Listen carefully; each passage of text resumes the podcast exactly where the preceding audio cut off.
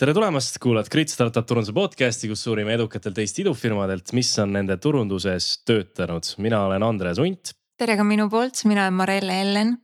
ja kui eelmine episood oli meil sihuke hästi tehniline, rääkisime turunduse automatiseerimisest, siis äh, täna räägime vastukaalust, vastukaaluks loovusest, äh, lugude rääkimisest, kirjutamisest, äh, inimpsühholoogiast ja meil on külas Eija Uus. tere Eija, sa oled eh, loovuskoolitaja, sa oled kirjanik, ajakirjanik, kogemusnõustaja. su taust on ju tegelikult üldse reklaamis. räägime natuke, mis su teekond olnud on ja, ja millega sa täna peamiselt tegeled? mu teekond siis võib-olla algas tõesti reklaamindusest, see oli mu kõige esimene töö. või õigupoolest, äh, kui ma, kui ma esimese romaani kirjutasin, siis äh, selle tulemusena mind kutsuti tööle reklaamiagentuuri ja enne mm. seda ma olin õppinud rahvusvahelisi suhteid ja filoloogiat. ja siis sealt ma läksin edasi filmindusse, filmiproduktsiooni ja vahepeal töötasin põgusalt Pariisis äh, advokaadibüroos ja nii edasi. ja siis kuus aastat äh, olin Annes ja Stiilis tegevtoimetaja ja pärast seda kutsuti mind Postimehe kirjastust juhtima ja sealt edasi fintech startup'i ja sealt edasi äh, siis äh, climate tech äh, startup'i ja sealt edasi ettevõtjaks. et selline.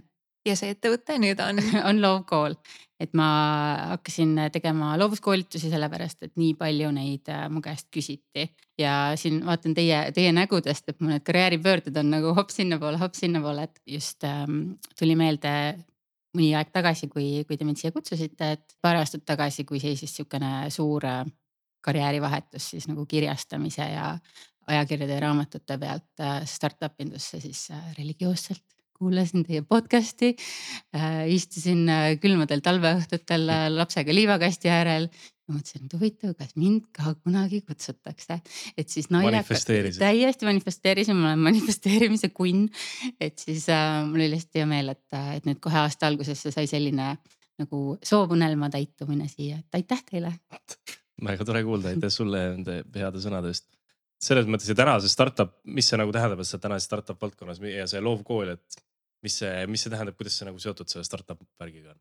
Ta võib-olla on, on selles plaanis seotud, et ma jõudsin sinna ideeni nagu tänu sellele, et ma olin aasta aega olin startup ides. et ähm, märkasin seda, kui palju on ikkagi ettevõtluses mingeid neid vanu malle et, et küll on ju minnakse tegema, et oo oh,, me teeme täiesti uut sorti ettevõtlust. aga tegelikult ju inimesed tulevad sellest nagu vanast maailmast, kus on vanad mingisugused äh, etteantud mallid, et, äh, et a la mingi pressiteade on kõige alus, et enne kui pressiteadet ei tee, enne ei saa mitte midagi muud teha et nii palju nagu sellist äh, võitlemist sellega, et, et mida sul täna vaja on või et nagu näiteks nii palju õppimist Web3-s olles. et on ju kakskümmend aastat olen turundust teinud siis lähen Web3-e ja mitte ükski asi, mida ma olen varem elus teinud, ma ei saa mitte ühtegi asja kasutada, mitte ühtegi oskust. et alustad nagu täiesti nullist, teha endale selgeks, mis asi on Discord, mis asjad on guild'id, et, et nii edasi, et sihukene. et see kindlasti väga palju ka laiendas mu seda loovust ja, ja arusaamist ja sain ka aru sellest, et ähm, enamik inimesi, kes startup ides töötavad, tunnevad ennast maailmas väga üksi. et kõik arvavad, et et nad on nagu selles ainsas ettevõttes, kus runway on hästi-hästi lühikene. kõik arvavad, et issand jumal, mul on nagu see, mul on see, et aga et, et kuidagi sa oled nii sügaval selles enda ettevõtte sees, et sa unustad ära, et kõigil teistel on ka runway kolm kuud ja teised ka paanitsevad, teistel on ka hästi väikesed turunduseelarved või hästi väiksed nagu kõige eelarved. et see selline mm, tundsin ka, et, et inimesed startup ides nägin, kuidas nii kiiresti põlevad läbi, nii, nii palju, nii ruttu, nii tihti et äh, tahtsin ka nagu spetsiifiliselt äh, hakata abi pakkuma sellistele inimestele, et nii, nii nagu äh, nõustamise poole pealt kui ka päriselt nagu vaimse tervise poole pealt. et siis sealt kuidagi, kuidagi hästi-hästi äh, orgaaniliselt see loovkool nagu plahvatas olemisse. väga lahe, äh, minu arust on äh, lahe see, et kui noored arvavad, et eh, noored reklaamihakatised, et, et reklaamiagentuuri töö, tööle saamiseks piisab, et saadad oma CV ja võib-olla parimal juhul motivatsioonikirja, siis tegelikult peab romaani kirjutama nagu. on abiks. saada ukse taha. sinu see spetsialiteet on, on kirjutamine, et lähme siis äh, hakkame sealt nagu pihta, et äh, kuidas kirjutada huvitavalt, köitvalt, mis on need nagu kõige tähtsamad asjad sealjuures? võib-olla kui, kui nagu võimalikult lihtsalt rääkida, siis äh, tähtis on see, et see, kes seda loeb, et tal oleks huvitav et nagu, et tal oleks natukenegi huvitav ja see, see kõlab täiesti banaalsena. et anna nõu, kuidas huvitavalt kirjutada, kirjuta huvitavalt. aga, aga see on mingisugune nagu hämmastav asi, mis, kui paljud inimesed justkui nagu ei mõtle selle peale, et see tekst, mida nad toodavad, võiks huvitav ka olla, et keegi võiks tahta seda lugeda. ja vahet ei ole, kas see on sotsmeedias või see on noh, näiteks LinkedInis professionaalselt või siis nagu ma ei tea, mõnel influencer'il ähm, on ju Instagramis näiteks või siis tõesti äh, ettevõtete kommunikatsioon või, või noh, et kõik need erinevad valdkonnad. ja, ja see on tõesti üllatav, et paljud inimesed ei mõista seda, et nad võiksid öelda midagi nagu piisavalt huvitavat, et kellelegi läheks korda ja keegi viitsiks selle läbi lugeda. et äh, ongi, et siis võib-olla nagu kõikides valdkondades, kus ma olen olnud, siis ma olen märganud seda, et aa, okei okay,, see on mingisugune asi, mis, mis paljudel nagu mingisugune chip või see mingi programmi osa, mis paljudel puudu on, et aa, et võiks huvitav ka olla. aga mis see praktikas tähendab, et kui ma nüüd mõtlen, et okei okay,, ma hakkan huvitavalt kirjutama, siis kust ma alustan? noh, oleneb, oleneb siis on ju meediumist, et kuhu, kuhu sul on vaja ja mis selle teksti eesmärk on. et inimene, kes loeb, et ta võiks midagi tunda ta võiks tunda, kas on ju põnevust, kas mingit ärevust, kas mingit ebakindlust äh,, rõõmu, lusti. ja noh, näiteks, et LinkedIn'i puhul hästi paljud inimesed kirjutavad, et oli suur au osaleda sellel konverentsil, hästi palju hästi inspireerivaid inimesi. ja nagu, kui ma loen seda postitust, mis asi see on, mis ma sealt nagu saan? mingeid minu mingeid varaseid ma olen ise ka selliseid kirjutanud. sihuke tõesti, me ei saa ilma ümber. jah, et oli suur au, mida iganes. aga tegelikult, kui kui sa, kui sind kutsuti sinna esinema äh, näiteks kuhugi konverentsile, mis, mis oli nagu see lahe asi, mis, mis sa sealt õppisid või äh,, või lahe asi, põhjus, miks sind üldse sinna kutsuti või et, et, äh, et need tõesti need lood seal taga või et mis, keda sa seal kohtasid, mis seal räägiti, et see, et äh, see inimene, kes seda loeb, tema saab ka midagi sellest kaasa, mitte lihtsalt ei vaata, kuidas on meist nagu mingi ilus pilt seal kusagil äh, konverentsi ridade vahel. et ähm, jah. ehk siis püüa tekitada tundeid, jaga midagi kasulikku, räägi mingit tausta, lugu mm -hmm. sinna taha ja, ja tõesti, et, et ka see, milleni me kindlasti veel siin korduvalt jõuame, aga et see sihuke nagu inimlikkuse teema, et üks asi, mis on eestlastel vist ka nagu E-, erilisemalt keeruline on see enda inimlikkuse näitamine. et võib-olla siin on osa ka sellel siuksel nagu nõukaaegsel taustal, et äh,. et noh, kõik pidi paberil nägema hästi hea välja ja viisaastakuplaanid täidetud ja nii edasi. Et eestlased kuidagi võib-olla nagu selle siukse haava taustal me proovime näidata ennast hästi, et mul on kõik hästi, mul on kõik hästi ja, ja ka näiteks sotsmeedias käia näitamas, kui hästi meil on, aga kuna enamikel inimestel ei ole nii hästi, siis nendel ei teki seda nagu äratundmise momenti või et aa, näe, vaata, see inimene on nagu mina, et ma elan talle kaasa. kui ainult on mingid, mul oleks ainult pildid, ma ei tea, luksusreisidest ja, ja lühtritest ja luksusautodest ja nii edasi, siis enamikul mingi, oh, lahedat elu elab, aga tal igapäevaselt tal ei tekita see seda, et mingi, et oi nii tore, teil läheb hästi, mingi oo ta sai selle, too ta teeb seda et mingit emo emotsionaalset sidet. ja, et see emotsionaalsus on võib-olla mingi kadedus või, või mm. isegi halbasoovlikkus või et jah, et, et see, et see, mis nagu selle inimlikkuse point on, ongi see, et tekitada, tekitada ju neid siukseid ühendumise momente ja, ja et kellelgi oleks huvi selle vastu, et sul läheb hästi mm.. aga kuidas startup saab inimlikum olla oma? kusjuures mul just, just enne tuli, tuli üks äh, naljakas äh, või noh, mis, mis just naljakas, aga üks tore näide sellest, et ähm, olen siis töötanud läbi aegade niimoodi vaikimisi paljude erinevate startup idega lihtsalt käinud kasvõi nagu vaatamas ja nõustamas, et mis, mis neil toimub või mida mina täieliku kõrvalseisjana või eemalt vaatajana võiksin märgata. ja ühel ettevõttel oli hullult vaja saada nagu mingisugust meedia tähelepanu, noh vist kõigil on, on ju, et nendel oli tõesti, et et vaata, et meil siin on täiega kasv ja vaata, mis numbrid meil siin juba on ja me oleme nii tublid ja et aga, et ükski meie postitus ei trendi ja, ja mitte kuhugi ajakirja meid ei võeta ja, ja nii. et mis siis teha, siis ma ütlesin, et okei okay,, et aga, et alustame näiteks kasvõi sellisest rahvusvahelisest sotsmeediast, et teeme ühe hea ingliskeelse LinkedIn'i postituse. ja siis nagu saeme ja saeme seal, et nende arusaam heast LinkedIn'i postitusest on nii, et aasta kaks tuhat kakskümmend kolm oli meie jaoks väga huvitav. me võtsime tööle viis inimest Poolast ja Saksamaalt ja isegi Malaisiast.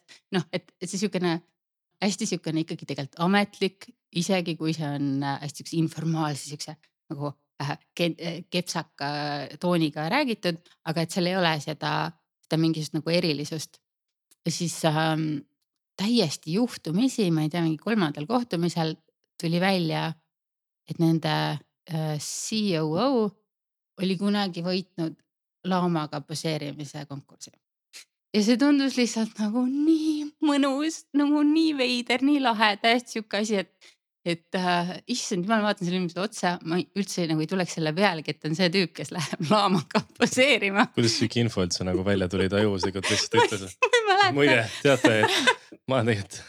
ma ei mäleta, millest me rääkisime, aga see tuli tõesti nagu nii random hetkel, et, et keegi teenis isegi välja temast. ja minul oli mingi, et ah, mis, mis asja sa ütlesid? ja siis ütlesin, kuulge, aga, aga teeme postituse sellest lihtsalt, et, et kes on meie tiim, et mis kõige veidramad asjad, mis meil enda kohta rääkida on ma, ma teadsin, olin ka juba kuulnud, et mingi keegi oli umbes tippsportlane kunagi ja keegi oli laamaga poseerinud ja konkursi võitnud ja, ja, ja keegi oli üldsegi mingi viiulimängija kunagi ja, ja, ja nii edasi. ja siis neil oli mingi, et ei, et ei, see pole nagu üldse see, see kuvand, et me oleme ikkagi siin nagu hästi tõsised ja, ja hästi nagu usaldusväärsed ja, ja saagisin, mis ma saagisin ja ei, ei saanud seda postitust. Ma siiamaani, mul siiamaani ma ootan, et, et äkki ikkagi ühel päeval, ühel päeval see tuleb aga kuidas nagu vastata sellise, no hästi tüüpiline jutt selles mõttes jah, et, et inimesed ei taha siukseid äh, humoorikamaid postitusi äh, panna, sest me tegutseme mingis tõsiseltvõetavas sektoris ja meid jah, tulebki usaldusväärsena näha, et kuidas nagu, mis argu-, kuidas argumenteerida sellise asja vastu? eks äh,, eks mina, mina lõpuks nagu taganesin sellest olukorrast, ütlesin, et noh, ma ei tea, te maksate mulle raha, et ma tuleks annaks teile head nõu. raha ma võtan niikuinii, lähen siit uksest välja. Te võite mu hea nõuga teha midagi, aga te ei pea ähm,. aga et, äh, et kui tõesti nagu kedagi huvitab, siis ähm,, siis ma ise olen hästi huvitatud äh, neuroloogiast, neurobioloogiast, behaviorismist, psühholoogiast, kõikidest nendest asjadest ma võin seda väga hea meelega inimestele ka keemiliselt selgitada, et kuidas meil töötab dopamiin, kuidas meil töötab adrenaliin, kortisol ja nii edasi. et mõnikord nagu sealtkaudu minnes on inimestel mingi aa, okei okay,, okei okay,, okei okay., et, et näiteks see, kui me tahame, et keegi oleks meie edust huvitatud ja elaks meile kaasa, et siis tal peab ju olema selle, kas selle brändiga mingisugune suhe või siis nende inimestega, kes seda brändi teevad. et äh, Eestis on mitmeid startup'e ja muid ettevõtteid, kus võib-olla mul selle ettevõttega ei ole mingisugust suhet. näiteks kui mul endal last ei olnud ja on mingi ettevõte, mis tegeleb beebidega. aga ma tean, kuidas see founder, ta on nagu sihuke fänn, tal silmad põlevad ja, ja ma hakkan teda toetama igal võimalikul viisil, isegi kui ma mitte kunagi ühtegi beebitoodet talt ei osta või või mingisugust nagu tema toodet, mis iganes programmeerimise asi see on, mul ei ole seda vaja. aga et äh, ma lihtsalt, oh, ma tahaks, et see inimene, kellel on sihukene sisemine põlemine, et tal läheks hästi. ja et võib-olla see on ka asi, mida, mida paljud unustavad, et, et me tihtipeale investeerume ideesse või inimesse või ettevõttesse ilma, et äh, isegi see oleks see meie meie asi, mida me igapäevaselt kasutame või, või asi, millesse ma, ma ei tea, aktiivselt investeeriksin mm. -hmm. nojah, see on põhimõtteliselt sama, miks influencer turundus toimib, on ju. et see, et eh, see jälgija on nagu nii pikalt kursis olnud selle inimeste tegemiste ja tema mõttemaailmaga mm. -hmm. et ongi, et, et kui me, kui me ostame midagi, mida influencer soovitab või kannab või kasutab, siis äh, mitte sellepärast, et me arvame, et ta on meist targem ja tal on nagu parem valik tooteid, vaid lihtsalt see, et kuna me oleme nii kaua tema lugu kuulanud, tema lugude jutustamise sees olnud, ähm, siis äh, meil on tekkinud nii suur usaldus ja soov olla kuidagi nagu seotud. et siis sealt sellise, sellise nagu dopamiini ja oksütotsiini pealt äh, on, on juba tänu sellele, et see lugu on ette meile jutustatud, on see usalduse moment mm. -hmm. no mis sa arvad, kas brändiga üldse saab nagu nii tugev side tekkida, kui meil teiste inimestega tekib? ma arvan küll, et saab ja kindlasti ja, et võib-olla, võib noh, ma ei tea, no võtke vanasti ju, Skype. et, et see eestlase see mingi, et me oleme sealt maalt, kust tuleb Skype, me oleme Skype'i maa, et, et, et eestlastel isegi kui nagu ei olnud isiklikku väga suurt põhjust olla Skype'i üle õnnelik, sest noh, selle inimese rahad ei olnud sinna kuidagi investeeritud või nii. ikkagi nagu see, see Skype, et see oli nagu sihuke eestluse tuum ja, ja, ja et see, see uhkus ja, et alati, et nagu, et oh, kust me helistame või mis kaudu me teeme mingi alati Skype. Ja jah, et, et, et see tihtipeale on nagu inimestega seotud, kellel, kellel ma tahan, et läheks hästi. ja noh, eriti kui on mingisugused asjad, mis, mis meie elu päriselt paremaks teevad, et, et noh, ma ei tea, äppide puhul näiteks mingid asjad, mida sa kogu aeg kasutad ja mis, mis nagu on su elukvaliteeti paremaks teinud, et mõne inimese jaoks on need produktiivsuse äpid, mõne jaoks on need enda mingisugused, ma ei tea, hormonaalse seisukorra jälgimise äpid või fitness äpid või, või nii edasi, et kindlasti on mingisuguseid valdkondi, mida ei ole nii lihtne teha inimesele kui nii, nii mm. oluliseks, aga, aga ma arvan küll, et meil, meil tekib ikkagi päris tugev side brändidega. ja noh, seal on ka see, et arvatakse, et B2B-s inimesed on nagu äärmiselt ratsionaalsed, et, et üheksast viieni on nad B2B ja siis pärast seda on nad mingi B2C ja siis neil ratsionaalne osa nagu kaob ära ja, mhm. ja üheksast viieni nad on mingid üliratsionaalsed robotid nagu, mhm. kellele ei tasu üldse mingeid meeme postitada LinkedIn'i, sest nemad langetavad otsust ainult ratsionaalselt, onju. Et äh, aga, aga ma saan, et see vist ei ole ka nii, et tegelikult mm -hmm. ka, ka, ka konservatiivsetes sektorites nagu tasub emotsioonidele rõhuda.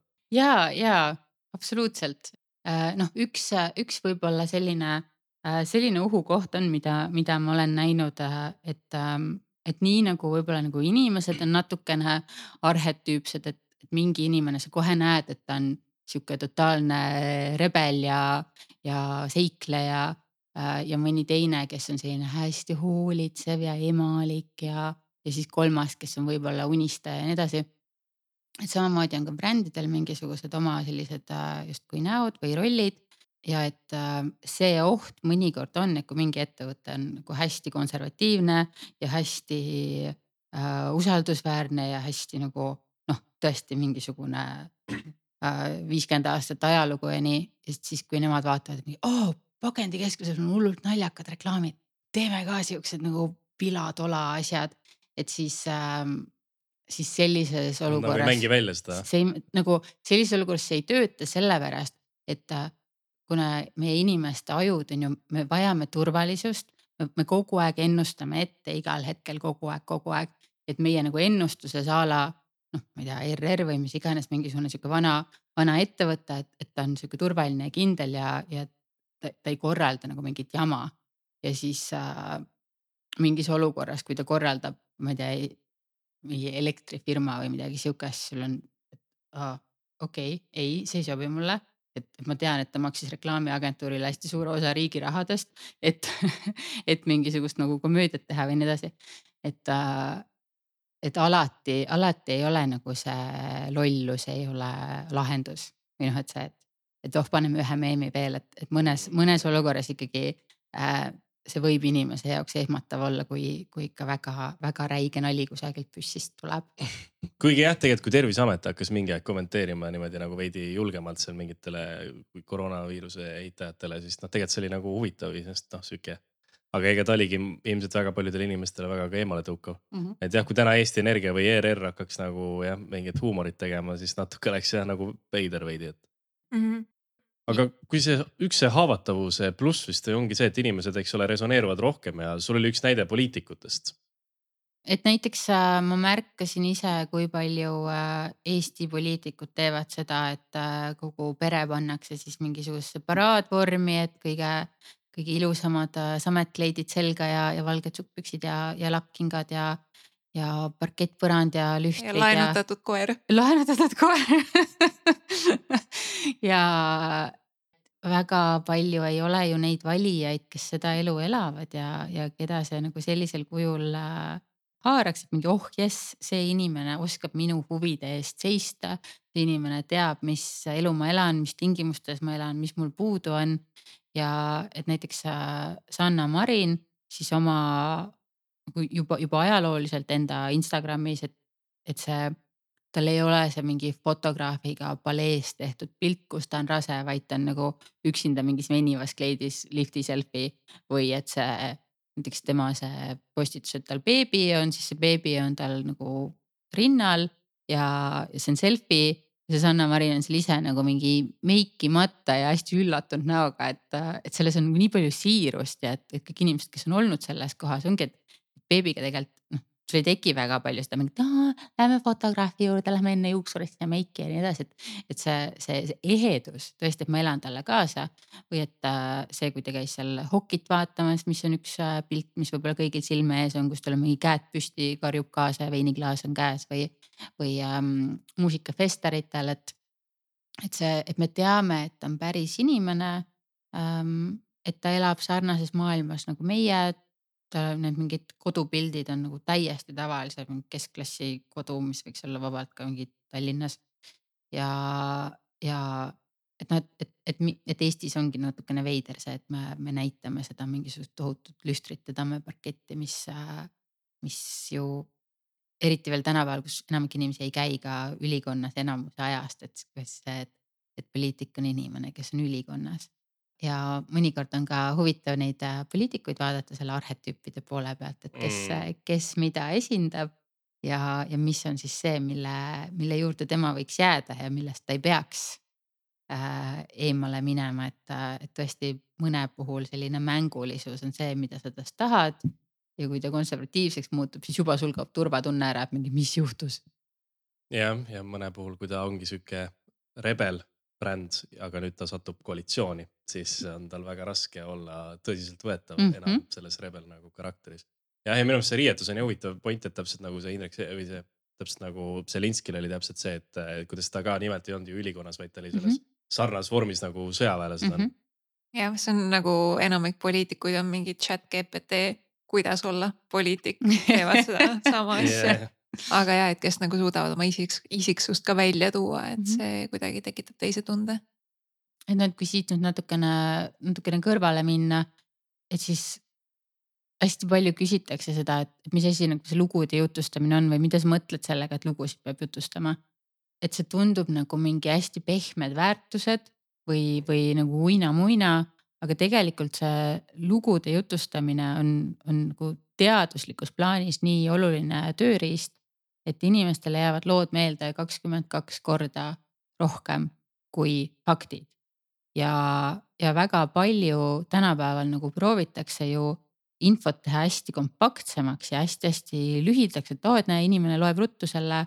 et ma ei raiska ta aega, ma ei hakka siin mingit pikka juttu tegema, et ma lihtsalt ütlen talle, et näed, see asi on nii. ja, ja me võime selle läbi lugeda ja mõelda, väga tore väike infokild, aga et kas see jääb meile meelde. et siis nagu lugudes on tõesti see, et, et sul tekib, on ju nii palju erinevaid kemikaale kehas seda lugedes. et äh, ükskõik, kas see on siis nagu ärevusest, hirmust, kaasaelamisest, rõõmust äh,, juubeldamisest äh,, armumisest, mis iganes.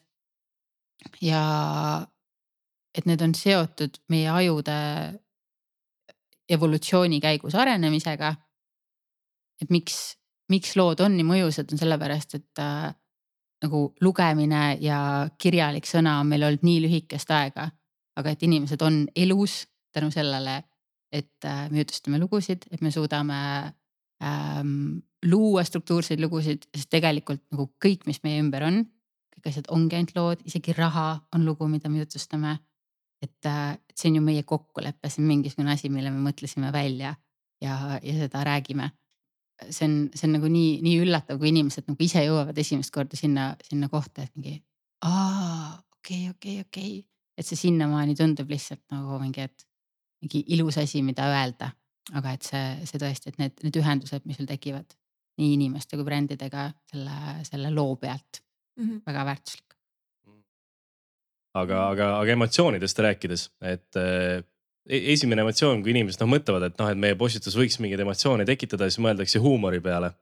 aga mis on veel mingid huvitavad emotsioonid, mis sinu meelest on nagu alakasutatud ettevõtete poolt ähm,? et noh, kindlasti üks, üks väga lihtne, mis, mis hästi palju dopamiini annab, on äh, mm, nagu pinge, suspense mm. mingi ja siis oli selline päev ja siis oli see ja siis tuli see ja siis juhtus see, et ähm,, et tõesti, et, et mitte sa ei alusta loo jutustamist sellest, et kaks tuhat kakskümmend kolm oli meil edukas aasta, me saime nii palju uusi kliente.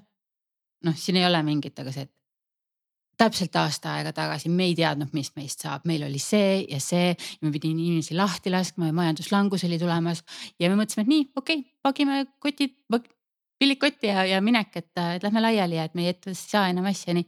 aga siis valguskiir paistis, meil tuli viimasel hetkel, viimasel hetkel tuli meile investeering, et, et noh, meil kõigil tegelikult on need lood aga et äh, me tihtipeale läheme selle viimase lauseni mingi lõpp hea, kõik hea. Mm.. meil läks hästi. aga et tõesti, tegelikult, mis see protsess seal oli? ja, ja, ja seda ebakindluse hetke, et äh, või, või siis tõesti see, see ebaõnnestumise loo mehhanism ka, et, äh, et seal on nagu see inimlikkuse aspekt see äratundmise aspekt, siis mõnikord on see selline mingi kaastunde aspekt, et ähm, et, et nii palju erinevaid emotsioone tekib sealt. aga lisaks veel midagi sellele pingele? ja mul on siin isegi cheat sheet on kaasas näiteks igasugused äh, võistluslood, mis on ka nagu üks asi, mida Eestis väga vähe kasutatakse, et see, et kuidas me kellegi teisega võistleme mingisugusel moel.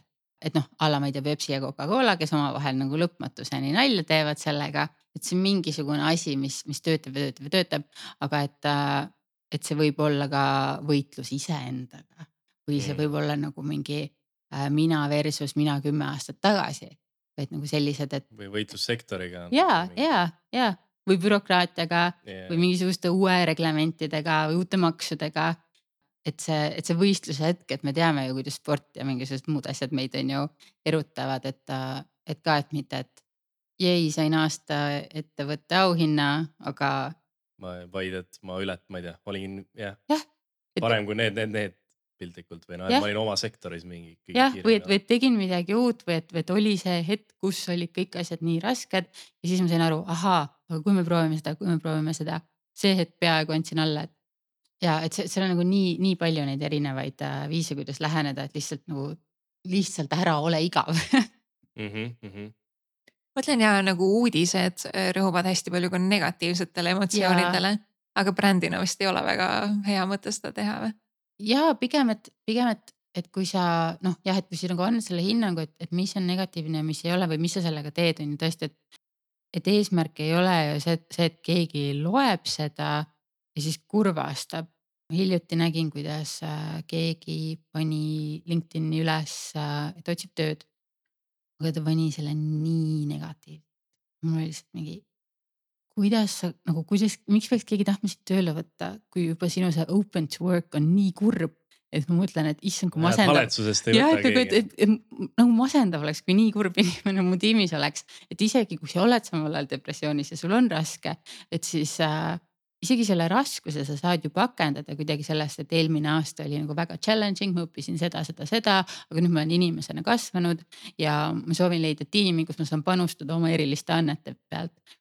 et see tõesti, et nagu, nagu kuidas seda pakendada, mis osa sa sellest näitad, et, et tõesti see, see on oluline osa, et meil on kõigil nagu raskeid hetki nii ettevõtetena kui indiviididena, kui enda sektoris või, või nagu mingis majandusperioodil aga, aga et, et mis sa selle looga teed? aga eh, kui nüüd tahtagi, et eh, nüüd rääkidagi mingit lugu enda postituses, siis seal on ju ka teatud narratiivi reeglid, et eh, kui palju neid on nagu mõistlik järgida ja kas sa saad siin natuke selgitada neid või on mingeid raamistikke, kus nagu tasuks olla nagu, kui tahate mingit lugu rääkida? mina nagu, mis minu jaoks loovuse juures on hästi oluline, on, on märkamise aspekt mm, -hmm. et ähm, ja õppimise aspekt, et minu jaoks loovus ei ole see, et mingi äh, vaatad selle skeemi ära ja siis nagu lendad peale, aga vaid just see, et, et märgata, mis see on, mis mind kõnetab, mis minu jaoks töötab ja märgata, mis teiste jaoks töötab. et ma näiteks esimene aasta, kui ma nüüd tagasi tulin LinkedIn'i paar aastat tagasi, siis äh, mul ei olnud mitte mingisugust soovi seal ise postitada või midagi öelda, aga ma nii kaifisin näha, mis asjad on viraalseks läinud, et need lood, mis on kakskümmend neli tuhat äh, reaktsiooni ja, ja, ja, ja mille kohta need on ja näiteks tihti olidki äh, kuna ma tol hetkel olin fintech sektoris, ma nägin hästi palju, mis rahvusvahelises fintech'i tööstuses toimub. ja noh, näiteks, et, et äh, fintech'i juht globaalses ettevõttes, kes ütleb, et äh, mul oli depressioon või et mul on praegu depressioon või et äh,, et miks minu jaoks on oluline oma seksuaalsusega kapist väljas olla. et, äh, et Eestis meil läheb, meil pea plahvatab, kui me mõtleme, et fintech'i juht räägib oma seksuaalsusest või oma depressioonist. aga, aga et, et, et see, mis, kui palju see sellele ettevõttele tagasi tõi, et, et kui palju on neid inimesi, kes mingi issand, et ma ka seda mingi issand, kui julge sa oled, seda räägid ja nii edasi, et mingi ah, ma panen lihtsalt ettevõttele ka follow, et, et, et noh, et see selline, sellised nagu need äh, kokkupuutepunktid. aga mingid mingid kindlad raamistikud a la noh, ongi nagu sa enne rääkisid, et, et alustad nagu sellest kõige põhjas äh, olevast olukorrast, kõige hullemast olukorrast. ja siis lähed ainult hullemaks ja siis tuleb see mingi, ma ei tea, kuidas seda nimetatakse ja siis lähevad asjad nagu paremaks E, jah, et neid igasuguseid, äh, igasuguseid äh, neid skeeme on hästi palju, aga et, et ma soovitaks võib-olla, ka, ka algajale sellisele äh, inimesele, kes proovib hakata midagi tegema, tõesti vaadata, mis talle töötab ja uurida, miks see talle töötab. Ja proovida kasvõi kopeerida. kui sa vaatad mingisugust kellegi teise jutustatud lugu, siis vaatad, et aa, et see nii kõnetab mind, aga miks see mind kõnetab, nagu mis asi siin on, et, et äh, erinevatel inimestel töötavad natukene erinevad asjad. Et kas, kas siin on kaastunne on see, mis asi mul on trigerdatud või see mingi eduelamus, et, et ma käingi selle teekonna temaga kaasa ja lõpuks meil on success, et see, et mina olen investeeritud mingisuguse võõra loosse, nii et ma tunnen, et meil, et nagu ma olin selle looga kaasas ja mina võitsin selle loo lõpuks midagi. sa oled ilmselt ise ka oma LinkedIni postitusega päris paljudele silma jäänud mm,. mis kas sa tahad jagada nagu, mis sinu tööprotsess selle taga on, et ma ei tea, mis teemadel sa räägid? Mis on sinu jaoks toiminud mm.? miks üldse LinkedInis aktiivne olla? mina, mina tõesti väga usun äh, LinkedIni olulisusse ja, ja noh, olen tõesti aasta aega koolitanud inimesi, öelnud minge LinkedIn'i, postitage ja tehke nii ja tehke nii ja tehke nii. ja siis iga kord mõtlen, et issand, kui kahepalgeline minust seda rääkida, kui ma ise mitte kunagi mitte midagi ei postita. ja et noh, ma nagu ei, ei tundnud seda, seda vajadust või, või kuidagi nii kõik, kõigile ütlesin mingi minge sinna, kõik vastused tulevad sealt, see on nii äge, seal on nii hea. ja siis äh, nüüd, kui ma olen paar kuud postitanud, siis reaalselt nagu nii palju tuleb kliente peale, et ei jõua, ei jõua seda nagu ära seda mahtu teenindada. aga minu jaoks ongi võib-olla noh, ja ma saan praegu nii tihti neid kirju, et tere, palun lisage meid oma connection'iks, sellepärast et äh, teil on nii lahedad postitused ja ma kogu aeg loen neid. ja siis ise vaatan nendele peale, mõtlen nagu, et millest ma kirjutasin, mingi eile kirjutasin, kuidas mul läks kohvi ümber. noh, et, et see on täpselt see, et, et äh, inimene elab kaasa mingi oh,, oih, oih, et, et ma kõigepealt mul oli näiteks expectation, et mul on täiuslik esimese jaanuari hommik la la la la, kõik on nii see, aga siis kohv läheb ümber. ehk et see draama, mis juhtub selles loos, see ei ole kuigi dramaatiline, et kohv läheb ümber, aga inimesed on kohe nagu, nad kujutavad ette seda olukorda, kui neil see juhtub ja nii edasi. ja mul võib-olla ongi praegu siukene nagu huvitav koht, et, et mul enne oli hästi tugev see enda filter, et mingi, et kas ikka kellelgi on huvitav sellest lugeda ja mis ma seda ütlen või et, et see kaks nädalat tagasi Inglismaal see põhiinflukas juba ütles ära selle või et, et kogu aeg ma tahaksin midagi uut ja midagi uut tuua mm. vestlusse, et mul ei ole mõtet öelda midagi, mida üks inimene on maailmas juba öelnud. aga me kõik ei jälgi samasid inimesi, me kõik ei käi kõikidel päevadel seal lugemas neid asju.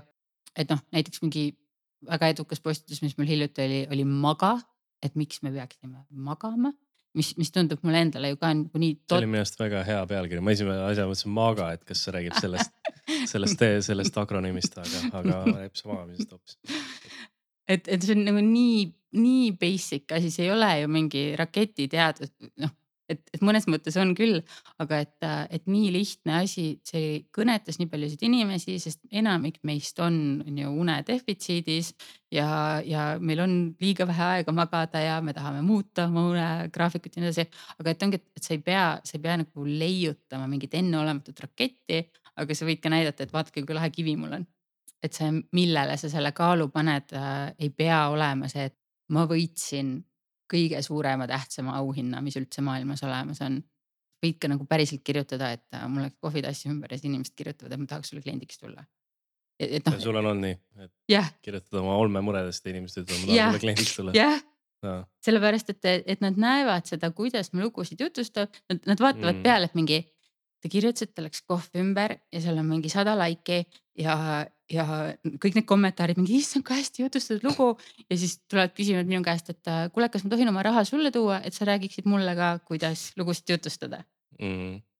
ja, ja mul oli, mul oli mõni aeg tagasi üks noor sugulane käis mul külas ja sel ajal, kui ta mul külas oli, siis äh, mul tuli kuller ja tõi mingisuguseid äh, kofeiinivaba äh, Coca-Colat.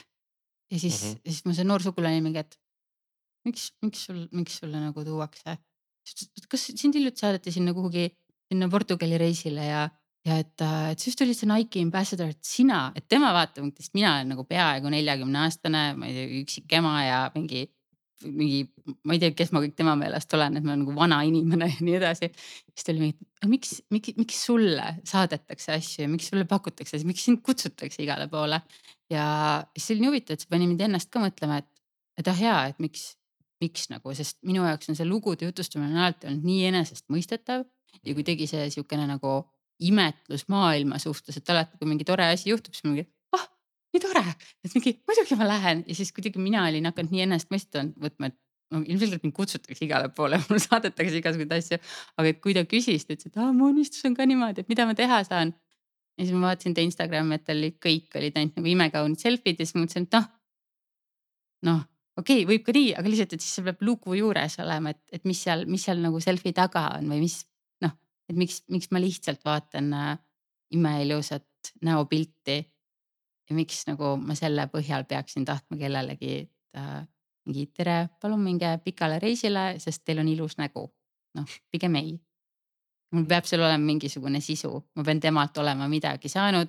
Kasvõi, et ta kirjutab, et aa, käisime seal Hiiumaal ja la la la la, kuidas seal oli ja siis mingi oo, vaata kui hästi ta oskab stseeni luua. ta oskab lugejaid panna tundma seda, mida ta selles hetkes tundis, huvitav, kui me saadame ta Barcelonasse, siis äh, millega ta sealt tagasi tuleb, kuidas ta meile reklaami teeb aga kas sul nagu tänaseks on see tase juba nagu niimoodi, et sa pritsidki nagu hetkega neid asju välja? kaua sa mingit ühte postitust näiteks keskmiselt teed? hetkega. hetkega või yeah.? mingi kahe minutiga valmis või? jah yeah., äh, välja arvatud, kui ma nüüd hiljuti hakkasin tegema karus.... põhimõtteliselt on nonstop kirjutad ja, ja enter ja lähebki laivi, et yeah. sa väga ei edit'i üle, sest see on juba nii hea kvaliteet. ja aga ma teen ja, ja sa näed seda sellest, kui palju typosid mul on, mul on väga palju trükivigu, et Aa kusjuures see on huvitav, miks yeah. sul on siis, et ühesõnaga sa näedki, et ongi. ma kirjutan tavaliselt. kirjavead on okeid. näitab autentsust. ma, ma kirjutan meelega panen. ja näitab, ei ole chat GPT kirjutatud kirjavigu. jah, just äh,. ei, aga tõesti, ma nägin, et eelmine, et ma, ma tegelikult ajalooliselt olen olnud nagu tohutu perfektsionist ja nüüd, nüüd ma tean, et mul on tugev autismispektrum, et, et see on ka mingisugune asi, mis on mind teinud sihukeseks perfektsionistiks, et. noh, see kõlab nagu äge story. jah, et, et peab olema nagu täiuslik asi, ma enne seda laivi ei pane. ja siis nüüd siin oligi mingi aasta aega, kus äh, mul oli kogu aeg võrratuid ideid, mida LinkedIn, näiteks LinkedIn'i kirjutada äh,. mul oli hästi suuri edulugusid äh,, mul oli hästi suuri krahhe ja kõigist nendest saaks teha LinkedIn'i postituse ja ma tegin, ma kirjutasin valmis, mingi kolm tundi otsisin fotot juurde ja siis mingi, ah, ma ei hakka. ja ma lihtsalt eelmine aasta, ma ei tea, kui palju tunde ma kulutasin ideaalsete LinkedIn'i postituste tegemiseks, siis mingi, ah, mis ma ikka postitan. ma lihtsalt ei mm. teinud seda ja, ja siis äh, osaledes äh, sügisel siin äh, ühes võrratus LinkedIn'i challenge'is siis sain aru, et et nüüd teistel on võib-olla vaja seda, et, et nad hullult nagu skulptuurina lähenevad asjale, et nad, nad mõtlevad selle läbi ja nii edasi. ja ma sain aru, et mul on vaja lihtsalt enter vajutada. et mina, mina pidin vastupidi endal lihtsalt võtma selle, selle enter'i vajutamise koha selle kõhkluse ära. sest ma mõtlesin alati üle, seal peab olema ikka nagu nii palju väärtust, seal peab olema seda, seal peab olema seda. ja siis mul tekkis see kahekordne usaldus, et usaldus sellest, et tegelikult mul professionaalsus on juba olemas, sest ma olen kakskümmend aastat kirjutanud ja igast asendist kirjutanud. ja, ja siis teiseks, et ma tean, et ma ei, ma ei saada nagu saasta maailma välja. et ma tean, et tegelikult kui mulle tundub mingisugune asi oluline, siis see mingil, mingil, mingil põhjusel see on oluline. et kindlasti ja võib-olla ka see, et ma enne tahtsin, et kõik sellest postitusest saavad midagi ja nüüd mul on rahu sellega, et võib-olla viis inimest saab sellest midagi ja nendel nagu läheb mingisugune sihuke nagu asi peas põlema ja, ja ka see, et näiteks LinkedIn'i puhul hästi paljud inimesed arvavad, et, et see peab olema nagu nii lõplikult professionaalne, et me käimegi seal näitamas ainult oma kõige suuremaid töösaavutusi. ehk et näete, meil siin sektoris oli kasv nii palju, aga tegelikult, äh, tegelikult sa saad ka näidata, on ju sisemist kasvu või, või, või et see, millega sa, millega sa ikkagi köidad, on ju tihtipeale see inimlikkus. See inimlikkus nagu nii, nii töösituatsioonides kui elusituatsioonides, sest äh, väga paljudel meist on hästi õhkõrn see piir nende kahe vastas, et meil nagu noh, oled kodukontoris enamuse ajast, et siis, siis äh, noh, ongi see, et kodu ja töö on läbisegi ja nädalavahetused ja õhtud ja et, et enam ei ole ka LinkedIn sihuke ainult üheksast viieni asi. ja, jah, aga jah, sa mainid seda LinkedIn'i challenge'it, et äh, kuidas see Marelle, see LinkedIn'i challenge, mis sai nagu tehtud, et see oli ikkagi, selle mõte ju oli ka, et inimesed saadagi sellest nagu kirjutama, postitamise hirmust lahti? põhimõtteliselt küll ja, et saada hirmust lahti ja hoida järjepidevust. sest ma arvan, et hästi paljudel, no eriti turundajatel on see, et kuna sa juba nagu oma brändi mingisse viitekanalisse pead kogu aeg postitama, et siis nagu enda sotsiaalmeediakanalid jäävad tähelepanuta. vaeslasteks. ja sai ja. inimestest välja surutud see hirm ja täitsa hakati postitama. täitsa hakati postitama, hästi tore oli, hästi tore oli jah, kusjuures naljakas oli see, et äh, üks meesterahvas kirjutas mulle eelmisel nädalal, et umbes tere, võiksid teha Grit podcast'i episoodi oma sellest LinkedIn'i väljakutsest. ja siis ma olin mingi, et ma ei tea, et see on nagu natuke formaadist väljas või nii. ja siis see mees oli nagu mingi hmm,, aga kutsu siis Eija külla, las ta räägib ma olin mingi, saab tehtud. ja. Mm -hmm, jah, see haavatavus on minu meelest hästi põnev teema just, et kuidas nagu tulla toime selle tundega, et ma ju peaks rääkima, kui hästi mul kõik on. et ma ei tea, kus, kus see piir läheb. et kas, kas seda saab kuidagi niimoodi määratleda, kui palju siis enda ebaõnnestumistest rääkida? jah, ma arvan, et, et see on ähm, keeruline piir paljude inimeste jaoks.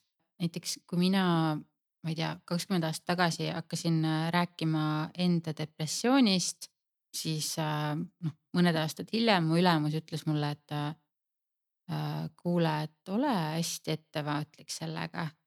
ta rääkis, et, et tead, meil, mul oli üks kolleeg, et mingi hetk saime teada, et ta või siis ta rääkis ise, et, et aa, vabandust, ma nii käitun, et mul on skisofreenia la la la. ja siis inimesed hakkasid teda vältima ja teda nagu, ta ei saanud enam tööle ja nii edasi. et see, see pani mind õudselt mõtlema, sest äh, mulle tundub nii oluline äh, rääkida depressioonist, vaadates mingisuguseid äh, Eesti nagu suitsiidinumbreid ja, ja, ja nii edasi, et, et noh. sest, sest vaimse tervisega on seotud ka meie füüsiline tervis ja, ja kõik need asjad. et ma arvan, et mingi maani kindlasti on see, et kui noorena karjääri alguses ei tasu rõhuda ainult sellele, kui halvasti kõik on.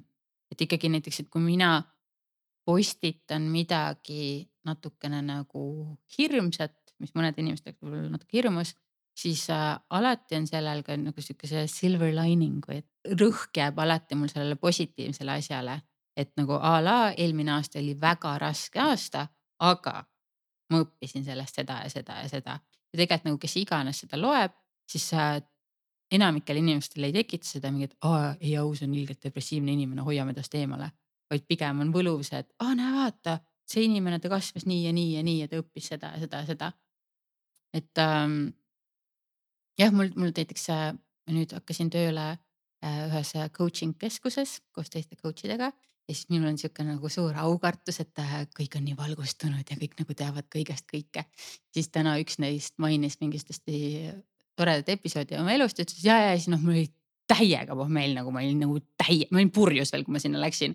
ja siis mul oli mingi, et aga kui lahe, et aga, et, et see, et tema ütles, et ta läks purjus mingisugust nagu meditatsiooni asja tegema, siis noh, mitte et ma nagu propageeriksin on ju joomist, aga lihtsalt see, et tema on ka inimene. et, et see oli mulle, et mulle tundub, et nagu kõik teised peale minu toimivad nii hästi, ainult mina olen see, kes ei saa oma asjadega äh, hakkama ja kes siin pusserdab nagu paremale-vasakule. aga et siis, äh, siis noh, võib-olla see ei ole asi, mida tema läheb nagu maailmale reklaamima aga et minu jaoks see tema inimlikkuse moment tegi teda kohe mulle lähemaks mm. -hmm. et ma arvan, et see on nagu selline hästi kraadimise koht ja see on ka võib-olla tasub küsida teinekord neid asju, et ma ise nüüd äh, küsisin hästi mitmelt inimeselt, kuna äh, üks mu töödest on kogemusnõustaja siis äh, selleks, et olla kogemusnõustaja, selle asja point on see, et ma saan teisi aidata enda kogemuse pealt ma saan öelda, et näed, ma olin sellises halvas olukorras, siis need inimesed, kes on selles olukorras, mingi, et aa, ta teab seda tunnet ja ma saan ta juurde tulla. aga et samas mul ei ole nagu huvi, et kogu minu näiteks sotsmeedia ja ajakirjanduse ja podcast'ide kogu see sisu oleks sellest, et aa, mul on nii raske, mul on nii halb. noh, et seal, see ka mind ei teeni, pidin ikkagi äh, päriselt võtma aega ja, ja nagu sihilikult mõtlema selle peale ja, ja arutama teistega, et mis mind teenib ja kuhu maani teenib. või et näiteks, kui ma kui ma teen ühe sellise võib-olla väga tiibi ja väga nagu keerulise teema äh, mingisuguse tõstatuse, siis sinna kõrvale võib-olla teen midagi väga professionaalset või midagi lõbusat. tekiks sihukene harmoonia ja et, et inimesed ei hakka ka seostama mind ainult nagu mingi, et jälle see raskus, mingi jälle mm. tuleb mingi musta kolliga siit, et. ja mulle tundub, et vist nagu ka need, mis on viraalseks läinud, kus inimesed seal oma raskustest räägivad, siis tegelikult nii nagu me tahame, et oleks õnnelik lõpp, siis tegelikult need postitused kipuvad ka ikkagi nagu nad lõpetatakse õnnelikul noodil, et kas ongi, et ma olen nüüd mingi selle lahenduse leidnud või ma ei tea, ma läksin teraapiasse või et ma mm -hmm. olen nüüd mingi sealt töölt ära tulnud. et tuua sinna sellele negatiivsusele mingi jah, mingi lahendus või midagi, mingi positiivne noot juurde, et siis on, siis on okei okay. võid halada nii palju, kui tahad, peaasi, et sa nagu näitad, et sa, ma ei tea, oled mingi lahenduse leidnud mm. -hmm võib-olla kui sa jätakski asja sinna õhku, et mul on nii raske ja nii ongi, ilusat päeva kõigile mhm. et võib-olla siis natuke LinkedIn ei ole nagu, ei ole see formaat, et. Mhm. ja, ja noh, näiteks ähm, mm, ajakirjas töötades ka, et, et ähm, mis, mis minu jaoks oli, oli huvitav on ju, noh, see oli küll kümme aastat tagasi äh,. aga et äh,, et Eestis on ju kõigil on promo vaja, ükskõik mis valdkonnas sa oled ja näiteks kui on äh, laulja, kellel tuleb uus plaat välja või näitleja, kellel tuleb uus äh, film välja, siis pöördutakse ajakirja poole ja öeldakse tere, meil on tulemas uus asi välja ja sellel inimesel oleks vaja promo. ja, ja siis see inimene tuleb nagu sinna intervjuule ja siis räägib, oi ja mul on kõik hästi ja mul on nii äge mees, mul on nii hea mees, mul on kõige parem mees ja lapsed, oh mul on nii head lapsed, mul on, mu kodu on nagu nii ilus nagu ja, ja mu karjäär, kõik on nagu nii hästi olnud. Et siis jah, mul on hästi hea meel selle pärast, aga näiteks ajakirjas töötades, meil ei ole selle looga midagi teha. sest seal, seal lihtsalt nagu, seal ei ole mingisugust dünaamikat, seal ei ole mingisugust õppimist ja, ja mõne inimesega nagu sa räägid ja sa räägid, sa võid temaga nagu kuus tundi ka rääkida ja ta lihtsalt, ta ei saa aru sellest, et ta saaks inimesi kõnetada. et kui ta jagab nagu mingisugust, et noh, mingit nagu lihtsat väikest asja, kasvõi et kui tõesti ta elus on olnud nii palju rõõmu, et temaga ei ole midagi halba kunagi juhtunud, et las räägime siis kuidagi hästi dramaatiliselt ära loo, kuidas tal äh, autol mootor jäi tee ääres seisma ja issand jumal, ma ei teadnud, kuhu ma lähen, ma ei teadnud, mis saab, mul olid lapsed olid taga. et, äh, et, et noh, vääname kusagilt välja nagu mingisuguse intriigi, et inimesed tahavad teada, mis edasi sai. aga kui kogu lugu on see, et äh, me kohtume temaga kohvikus cappuccino taga, tema juuksed on särevad kaunilt ja noh, nagu seal, seal ei ole mitte midagi, mida kaasa võtta, et, et ma ei, ma ei hakka kaheksa lehekülge sellest lugema, kui, kui seal ei ole midagi. ja et, et noh, sama on ka nüüd, mis ma näen LinkedIniga, et või, või mis iganes kanalites, et, et jah, noh, ma näen selle mingi ilusa asja ära ja, ja see ei tekita minus emotsioone, see, see inimene ei jää mulle meelde. aga et mingite inimestega on, on tõesti see, et, et a la keegi minu jaoks täiesti võõras inimene pani kolm aastat tagasi LinkedIni alla oma matkapildi ja ütles, et mingi no what from hell, et mingi kõik läks valesti, asjad mingi kadusid ära ja nii edasi. siis kui ma selle inimesega päriselt kusagil konverentsil kohtun, siis mul on mingi, et aa, kuule su see mm., see, mis sa rääkisid matkamisest kolm aastat tagasi. ja, et mul endal on ka, mul juhtub nii palju seda, kus inimesed tulevad minuga rääkima mingisugusest asjast, mida ma enda meelest nii mööda minnes ütlesin, aga nende jaoks on see, et mingi, et oh, so human, so me. Päris huvitav jah, tegelikult, mis sa välja tood, et tegelikult meie eraelus nagu toimub nii palju põnevaid asju tihti, aga mis jääb lihtsalt sinna. ja, ja vaata, ongi nagu see, et, ka kuidas need, kuidas need seotud on, et tegelikult nagu see äh, võib-olla see, et mis, mis see minu see võluvägi praegu ka näiteks äh, LinkedInis on, on see, et ma saan aru, et elus kõik on seotud, et kõik asjad, mis minu eraelus toimuvad, need ju tegelikult kõik peegelduvad mu tööelus. et näiteks ka, et sa võtad seda matkamist kui selle asjana, mis lubab sul teha nagu top notch tööd.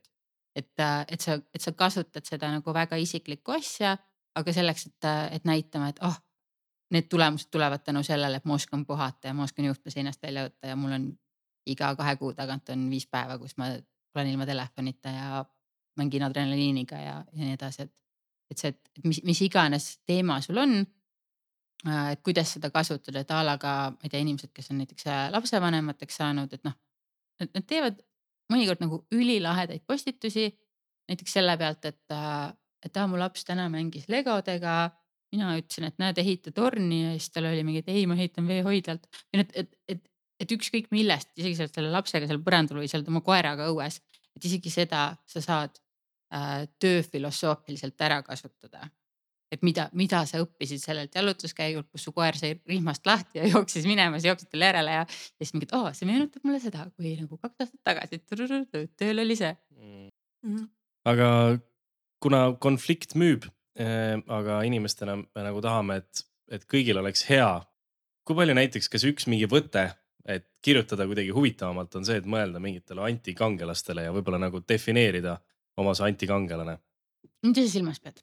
Ehm, no näiteks Peep Laial pidi olema nagu, et temal on nagu defineeritud, ongi mingid teised eh, digikuurud, digiturunduskuurud, kellele ta teadlikult nagu vastandub mm, -hmm. et ta mm. tahabki olla nii, et nemad räägivad seda juttu, aga mina räägin nagu sihukest juttu ja, ja see ongi nagu tema nii-öelda antikangelane ja tema nagu teadlikult nagu jälgib, et, et tollele nagu informatsioonile, mida too inimene jagab, tema jagabki nagu kas risti vastupidist või niimoodi ja ta ütles, et ta nagu läbi sellega saab ka ideid enda postitusteks, et ta vaatabki, mida see vend kirjutab ja kirjutab ise siis, kuidas nagu tegelikult umbes on asjad.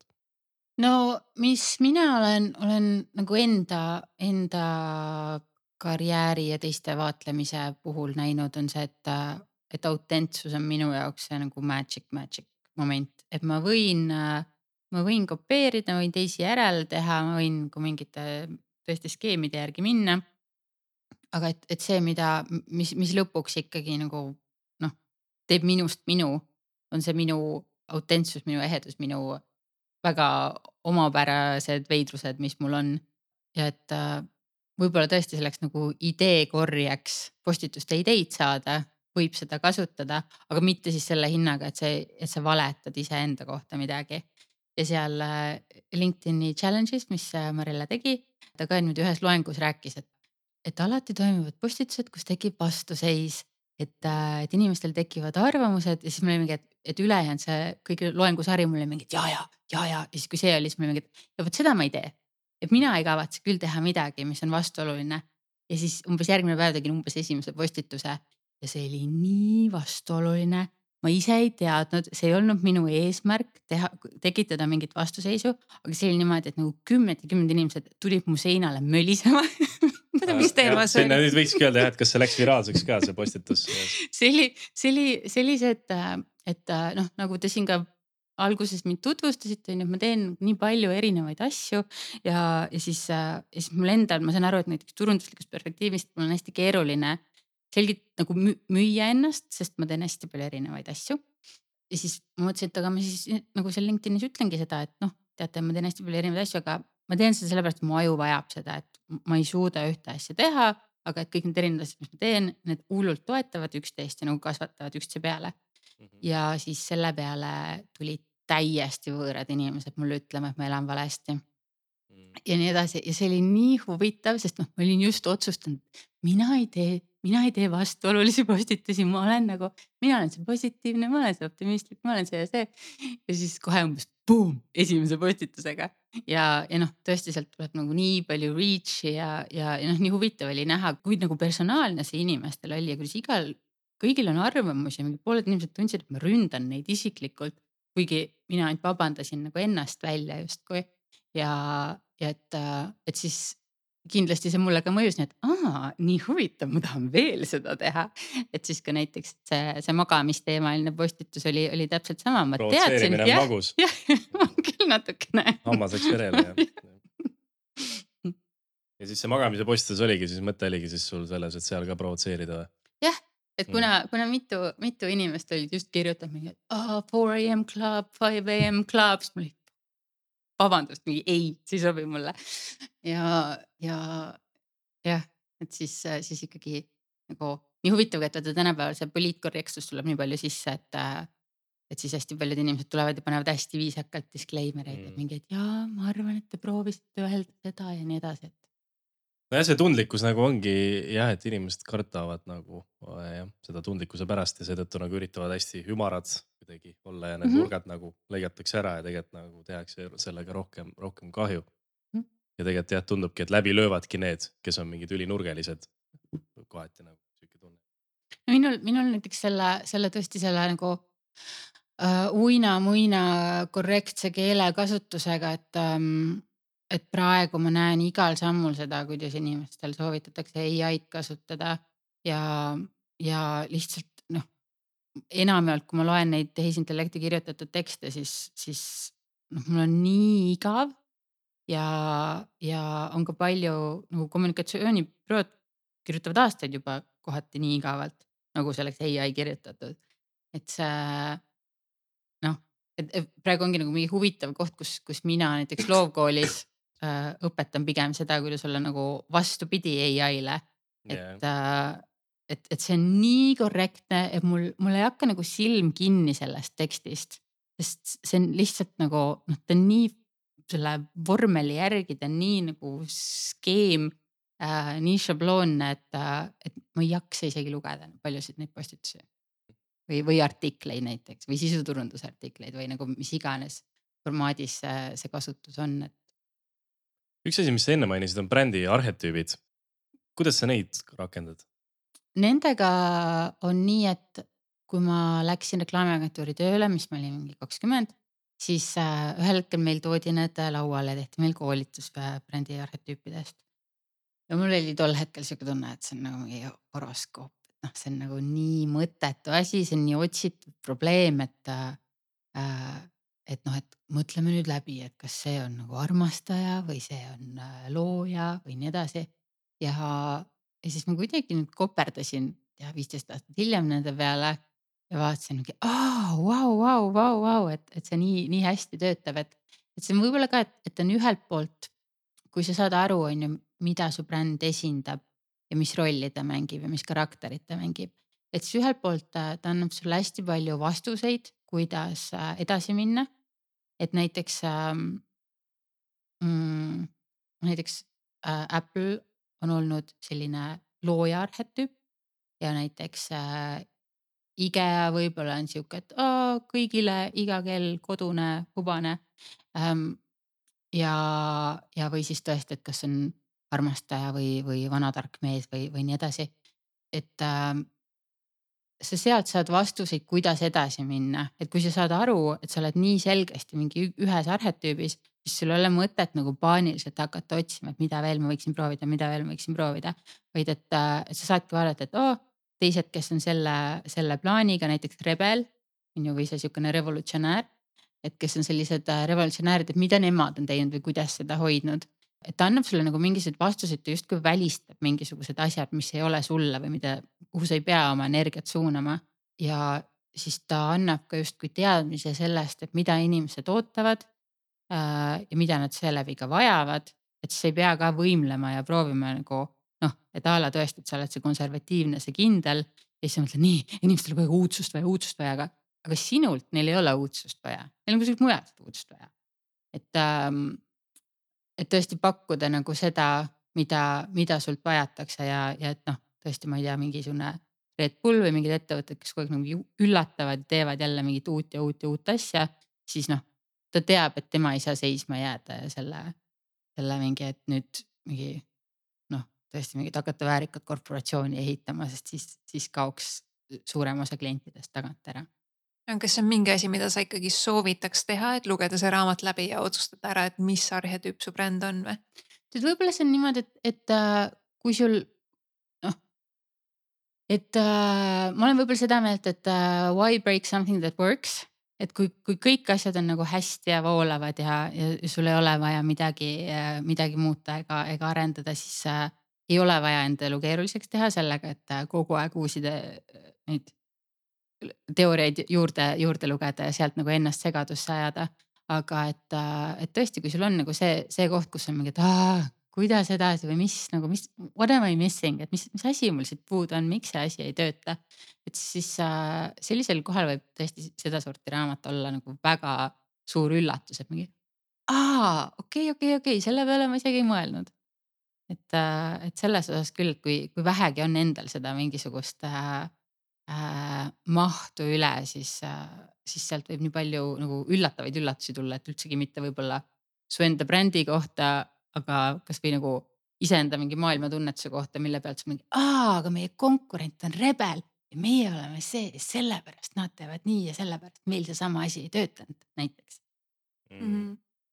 ja no minu meelest, kui sul on tegelikult juba nagu toimiv bränd, siis ju tegelikult on ka nagu hea neid arhetüüpe vaadata selles mõttes, et ma arvan, et iga tugev bränd tegelikult paigutab ühele neist mm. -hmm. et ma arvan, et raske on nagu ette kujutada mõnda nagu maailma tasemel world class tugevat ehitatud brändi ja ta ei ole ühel neist, et ta on mingi moodustis seal vahel tavaliselt nagu mm -hmm. mitte, et pigem ongi, et kui sa ei suuda teda klassifitseerida, siis järelikult võib-olla sa peaksid otsustama ära nagu, kuhu suunda sa nagu lähed mm. -hmm et see, see annab äh, selgust nii nagu sisemisel tegutsemisel kui ka nagu välistel ootustel, et, et mida, mida sa sellega saavutad ja kuhu suunda sa sellega lähed see tundub mõneti nii uskumatu, et sa saad kõik maailma tugevad brändid panna mingi neljateistkümnesse mm -hmm. kategooriasse mm. -hmm. aga see on eesti keeles vist ongi üks brändi arhetüüpide raamat mm. -hmm. mida on hästi raske saada igalt poolt või nagu seda on suht vähe minu arust raamatukogus igal pool ja kuskil. eriti peale seda episoodi jah, aga netis, mina olen kasutanud neti mingeid teste, netis on mingi arhetüübi testid, et sa teed selle ära ja siis äh, saad teada äh, nagu ta nagu, ma ei tea, aitab vahepeal aga, aga nende klientidega töötamise, kellega sa nagu töötad ja noh, mulle tundub nagu arvestades su seda nagu tausta ka, sa tundud nagu väga sihuke terapeutiline oma lähenemiselt. et kuidas sa nagu klientidest need lood välja pigistad ja välja saad, kuidas nagu panna, et nad ise Jõuga. hakkaksid otsima neid lugusid ja kirjutama ja nagu mõtlema selles suunas? Ehm, jah, et, et näiteks äh, mida, mida loovteraapias, loovkirjutamises palju kasutatakse, on, on ju prompt'id mis on siis äh, näiteks sõnakaardid või, või mingisugused äh, sõnageneraatorid. et äh,, et andagi inimestele koduseid ülesandeid, et näiteks mingisugune teema, noh nagu a la võtad sealt selle kaardi, kus on mingi kõige piinlikum asi ever ja et äh, kui inimene hakkab sealt minema, siis loomulikult on nagu mingi kümme episoodi, mida ta mitte kellelegi ei taha jagada. aga et sõpradel tuleb meelde üks nagu väga naljakas lugu, kuidas ta oli lõbustuspargis ja siis, ja siis ta kohtus oma co-founder'iga. ja see on palju lahedam lugu, kuidas ta lõbustuspargis oksendas ja võõras inimene andis talle taskuräti, kui see, et mingi, et ja me siin kahekesi teeme seda ettevõtet et, äh, et selliseid, äh, et, et see võib mõnikord olla nagu hästi üllatav tööriist, et kui inimene ütleb, et mingi mul ei ole ühtegi lugu, et mul ei ole, mul ei ole mitte midagi, siis kui ma hakkan neid prompte võtma, siis on mingi, et aa ja, ja muidugi, muidugi, et loomaaed ja, ja loomaaediga mul on sihuke lugu, et mm. et ükskõik, et mõnikord see on, on ju mingi filosoofiline lugu, mis tal meelde tuleb, et, et kui ma olin väike, siis mu isa küsis mu käest, mis loom ma olen? Ja ma ütlesin kohe delfiin. Ja siis nüüd kolmkümmend aastat hiljem ma ikka veel mõtlen, miks ma ütlesin delfiin ja ma olen eluaeg nagu tundnud, et ma olen delfiin ja nagu mingi sealt läinud ja et, et mu tööelus see peegeldub nii. noh, et, et, et ongi eriti just inimestega, kes on, arvavad ise, et nad on hästi kinnised ja hästi mitteloovad. et siis, kui neile anda näiteks siukseid teemakaarte, siis, siis see, mis sealt hakkab välja tulema, on, on nii üllatav ja, ja noh, tihtipeale on ka see, et, et inimesed ise ei tea oma lugude väärtust.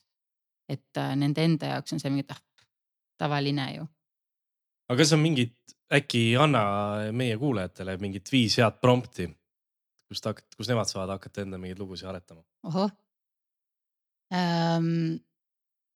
noh, mingi, mingi lihtne ähm.... no meil on loomaaed, piinlik lugu praegu loomaaed, piinlik lugu, kaks on olemas äh,. reis mm. -hmm. et see on ka nii, nii, nii äh, lai teema, et, äh, et sealt võib tulla nagu seal võib tulla seikluslugusid, seal võib tulla mingi kohtumislugusid, seal võib olla kaotatud asjade lugusid ja, ja mingite olukordade lahendamist. siis võib-olla lihtsalt üks inspireeriv inimene mm..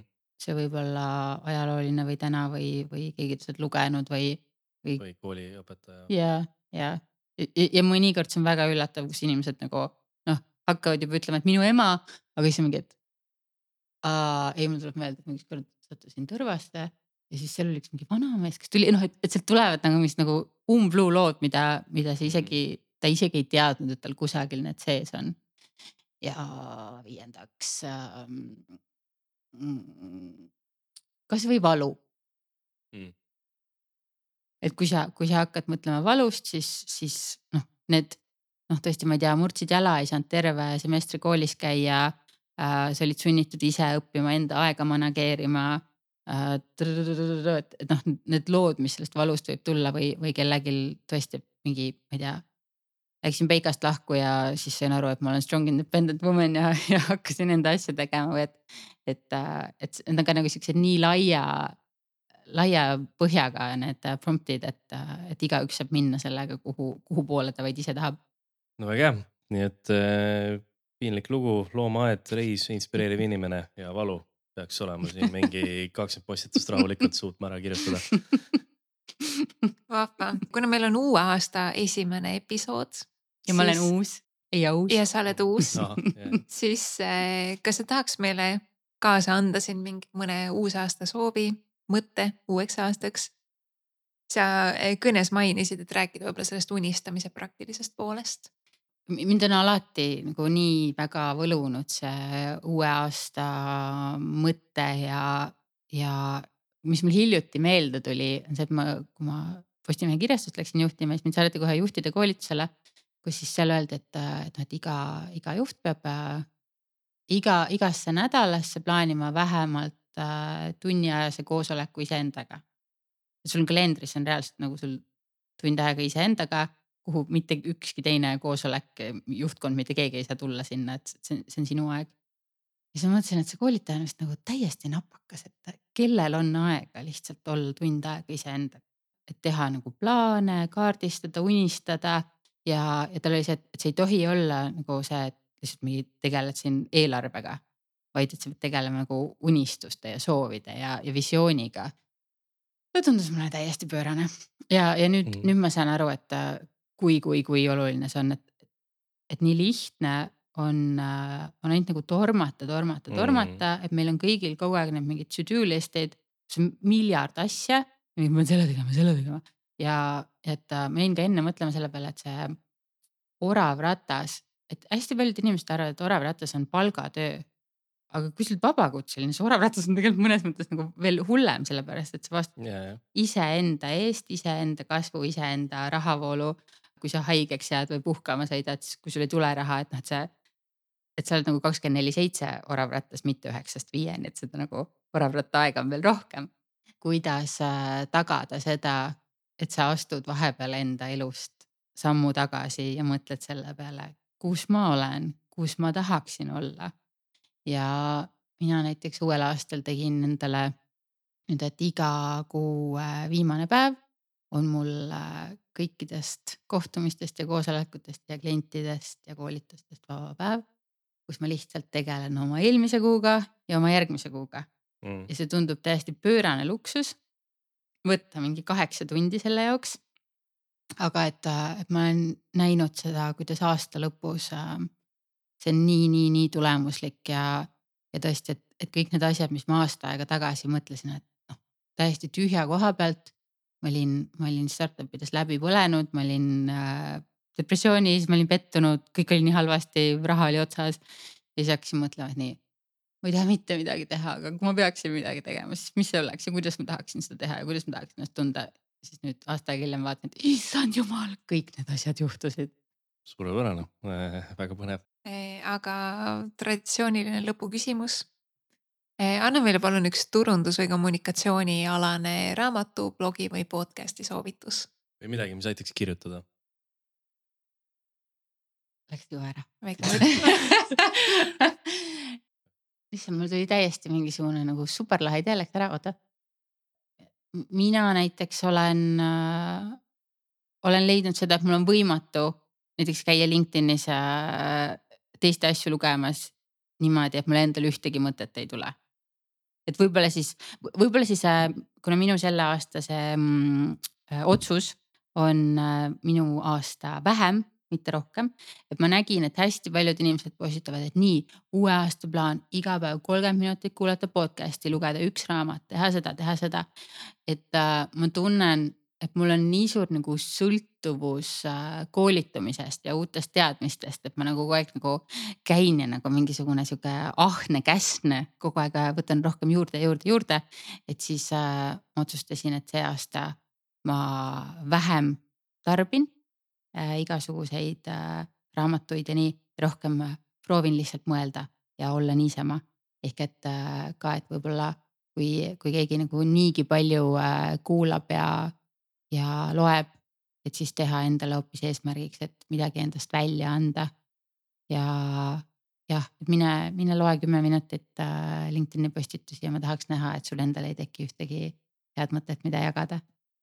päris hea lugemissoovitus väga loomulik. kümme LinkedIn'i posti, et äh, väga ja kirjaniku poolt et äh, ei, väga lahe kastist välja mõtlemine. okei okay,, no aga super, minu meelest sai väga huvitav sihuke, sihuke kulgev teistmoodi osa, aga minu meelest väga põnev ja mulle meeldis see, kuidas sa ikka panid meid nagu peeglisse vaatama, et ja, ja ma arvan, et nii kui minul ja väga paljudel kuulajatel oli ikka natuke piinlik ka nagu kuulata, sest kuuled ise, tunned ära end nagu nendes mingites piinlikes olukordades, kes me kõik kirjutame sellest, et küll meil oli au kuskil olla. muide, kui sa näiteks nüüd sellest podcast'ist ära lähed, siis kuidas sellest näiteks nüüd sa kirjutaksid? mul oli au siin olla. kas sa kirjutad ka, et sul oli au olla või kirjutad midagi muud? No siis. eks me saame lugeda siis. ja eks te saate lugeda, tulge, tulge lugema ja, ja kindlasti, et kui, kui keegi tahaks natukene Äh, loovamalt äh, läheneda, siis äh, tulge mulle loovkooli. seal ka kindlasti e-, esitan väga palju väljakutseid ja, ja väga palju uusi mõtlemise viise, et jah, tehtav väga hea, aitäh sulle, Leia, et, et sa tulid ja rääkisid, kuidas asjad käivad ja aitäh, kes sa kuulasid. ja loodan, et sul oli kasulik. kui see episood sulle meeldis, siis jaga seda oma Instagram story's või LinkedInis ja kui sa kuulad meid Spotify's, Google'i või Apple podcast'is, siis vajuta kindlasti subscribe nuppu. nii kuuled esimesena, kuhu startup turundus liigub. kuuleme järgmises osas, kus siin on järgmine huvitav startup turundaja, olge tublid ja edukat turundamist